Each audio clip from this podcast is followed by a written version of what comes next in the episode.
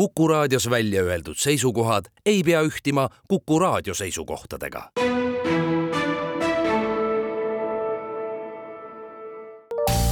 terviseks. Saadet toetab Lääne-Tallinna Keskhaigla, vaata ka keskhaigla.ee tere, head Kuku raadio kuulajad, eetris on saade Terviseks ja me räägime täna antibiootikumidest ja seda sel põhjusel, et kaheksateistkümnendal novembril tähistati antibiootikumide teadliku kasutamise päeva. mina olen Ingela Virkus ja koos minuga on stuudios Lääne-Tallinna Keskhaigla infektsioonhaiguste arst Pille Märtin, tere! tere! mis siis need antibiootikumid on ja miks neid kasutatakse? antibiootikumid on kas looduslikud, poolsünteetilised või sünteetilised ravimid, mida kasutatakse mikroobide elutegevuse pärssimiseks või nende üldse ärahävitamiseks.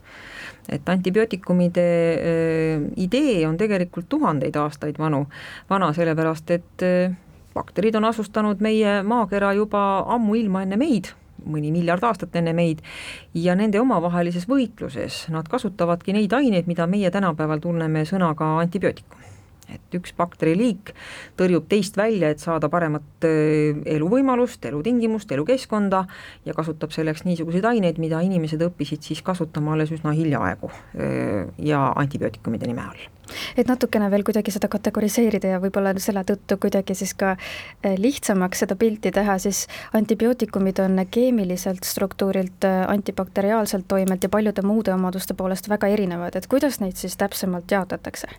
Neid jagatakse vastavalt sellele, millistele mikroobiliikidele nad toimivad, nad võivad olla antiviraalsed, viiruste vastased, nad võivad olla bakterite vastased, antibakteriaalsed preparaadid, nad võivad olla ka algloomade vastu, antiparasitaarsed ained, ja, ja teinekord isegi usside vastu, et antihelmintid. et eh, vastavalt igasugustele äh, erinevatele elusatele liikidele toimivad rohud, aga antibiootikumid, antibakteriaalsed preparaadid oleksid siis kitsamalt need, mis toimivad erinevatele bakteriliikidele ja neid klasse antibiootikumide klasse on väga palju erinevaid ja need klassid on juba keemilise struktuuri põhjal jaotatud erinevateks rühmadeks, mis seal täpselt sees on, et vastavalt sellele on ka neile nimetus antud, et võib-olla nii mikroobiliigi järgi kui ka keemilise klassi järgi aga kuidas need siis ikkagi töötavad, et kuidas nad inimese organismis toimima peavad?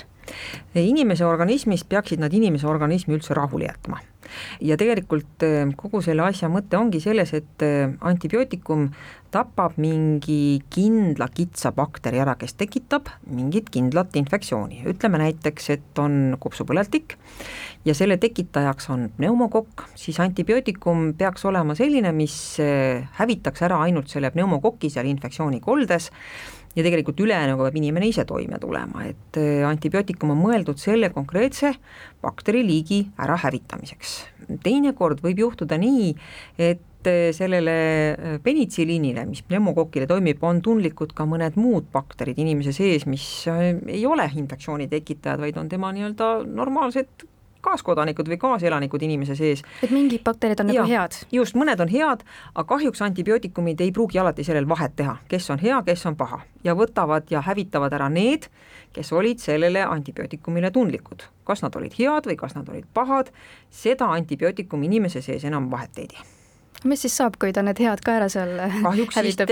just, siis tekibki selline olukord, kus inimese sees on bakterite populatsioonis suur segadus mis võib äh, väljenduda selles, et äh, inimesel läheb kõht lahti, inimesel on paha olla, inimesel äh, on ülekaalus need bakterid, mis ei olnud tundlikud sellele konkreetsele antibiootikumile ja see kestab mõnda aega, mõne antibiootikumi kuuri järel kaks-kolm nädalat, mõne puhul isegi veel pikemalt on see bakteriaalne segadus seal inimese sees. no see kõlab niimoodi, nagu need antibiootikumid lõpuks teeks rohkem kahju kui kasu. See ongi nende kõige suurem kõrvaltoime, iga kord, kui inimene võtab antibiootikume, on selle kõrvaltoime see, et inimese bakteriaalne seisukord, olukord muutub, tema keskkond muutub täielikult ja seda lühemaks või pikemaks ajaks, see on iga viimase kui antibiootikumi kõrvaltoime. milline on üldse antibiootikumide ajalugu, et millal ja kuidas neid kasutama hakati? Neid on mitteteadlikult kasutatud ammu enne seda, kui meil tekkis teadmine, et nad on antibiootikumid. et hallitust on kasutatud kunagi rahvameditsiinis ja keegi ei teadnud, et seal on penitsilliini nimeline hallitus sees. ja selle toksiinid on need, mis toimivad kasulikult, aga päris teadlikult avastati, et mõned keemilised ühendid on kasulikud, kui inimesel on üks või teine infektsioon kusagil üheksateistkümnendal sajandil ja hakati neid kasutama ja penitsilliin hallituse poolt eh, toodetud eh, penitsiliini, mis oli tegelikult mürk ju. Eh, selle pani tähele siis härra Alexander Fleming oma labori katsetes, kui ta tuhande üheksasaja kahekümne kaheksandal aastal jättis oma bakteritega koloniseeritud tassid puhkuse ajaks vedelema kuskile laua peale, tuli tagasi ja avastas, et hmm, bakterid on surnud, aga mingi hallitus laiutab seal peal. ja, ja, ja siis ühel hetkel eh, tuldi mõttele, et aga sellel peab mingi mõte olema, mingi ühend, midagi peab seal taga olema. Ja seda hakati siis eh, tasapisi tootma, selle tootmise eh, käigus juhtus igasuguseid apsakaid, ja päris inimeste peal toimiv penitsiliin äh, jõuti alles kusagil kolmekümnendate lõpus äh, äh, nii kaugele, et ta päriselt oli olemas ampullis ja teda sai süstida ja temast oli ka silmnähtavalt kasu laiemalt vist kättesaadavaks äh, muutusid antibiootikumid alles pärast teist maailmasõda kusagil sealkandis, et neid jagati siis inimestele, sest usuti, et need on äh, mingid sellised imevahendid, mis aitavad jagu saada kõikidest haigustest, aga paraku ei teatud ju veel, et nende liigne või vale kasutamine võib tervisele halvasti mõjuda ning äh, selle tagajärjel võivad välja areneda antibiootikumidele resistentsed bakteritüved tõepoolest, kuuekümnendate aastate alguses deklareeriti, et maamuna pealt võivad nakkushaigused järgmise kahekümne aastaga üldse ära kaduda. kuna neid antibiootikumide erinevaid klasse tuli nagu seeni pärast vihma äh,, iga aasta või üle aasta mõni uus klass jälle tuli ja jälle oli olemas äh, terve rida haigusi, mida oli võimalik siis ravida ja edukalt ravida, aga, aga, aga see teadmine läks üle umbes kahekümne järgmise aastaga.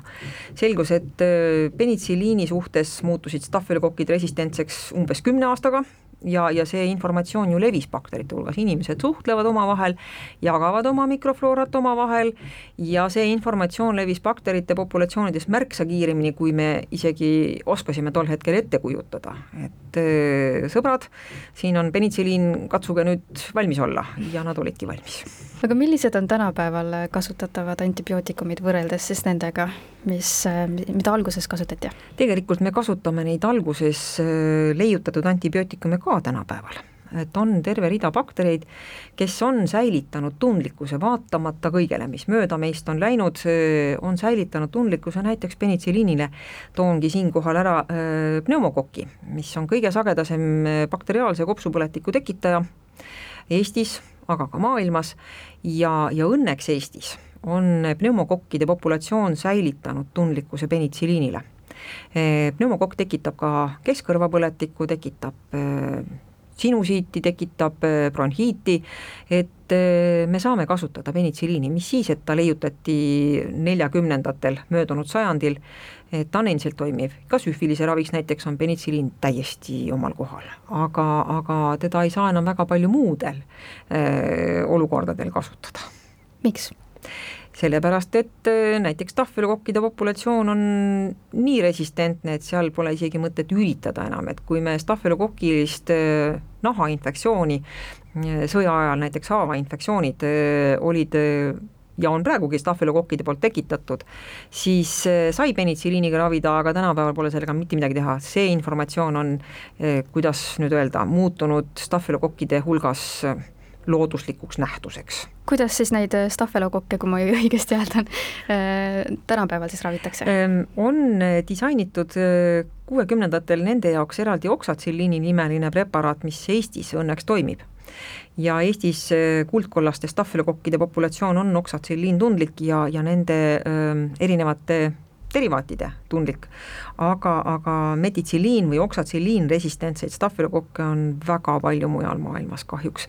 ja siis see enam ei tööta, meil on järel ainult üks või kaks preparaati, mis selle öö, bakteri poolt tekitatud infektsiooni jaoks on mõeldud ja mida me saame kasutada, ja kui see ka on rajalt maas ja neid tüvesid on ka maailmas nähtud, et siis polegi midagi teha kui äh, tihti või kui palju on vaja üldse selliseid antibiootikumide arendamist, selles mõttes, et nad oleksid äh, võimelised äh, nende arenevate haigustega, haigustekitajatega, bakteritega võitlema? see on väga raske küsimus praegu hetkel farmaatsiatööstustele, et kuna me tänapäeval teame, et bakterid on meist tegelikult üks samm ees, tuleb uus antibiootikumi klass või molekul turule ja tegelikult võib üsna varsti kohe näha, et ka sellele resistentsed bakterid on juba olemas, nad lihtsalt äratasid ellu oma seni maganud resistentsusmehhanismid.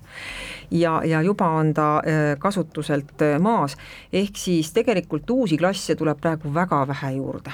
Väga-väga vähe võrreldes äh, aastatetaguse perioodiga.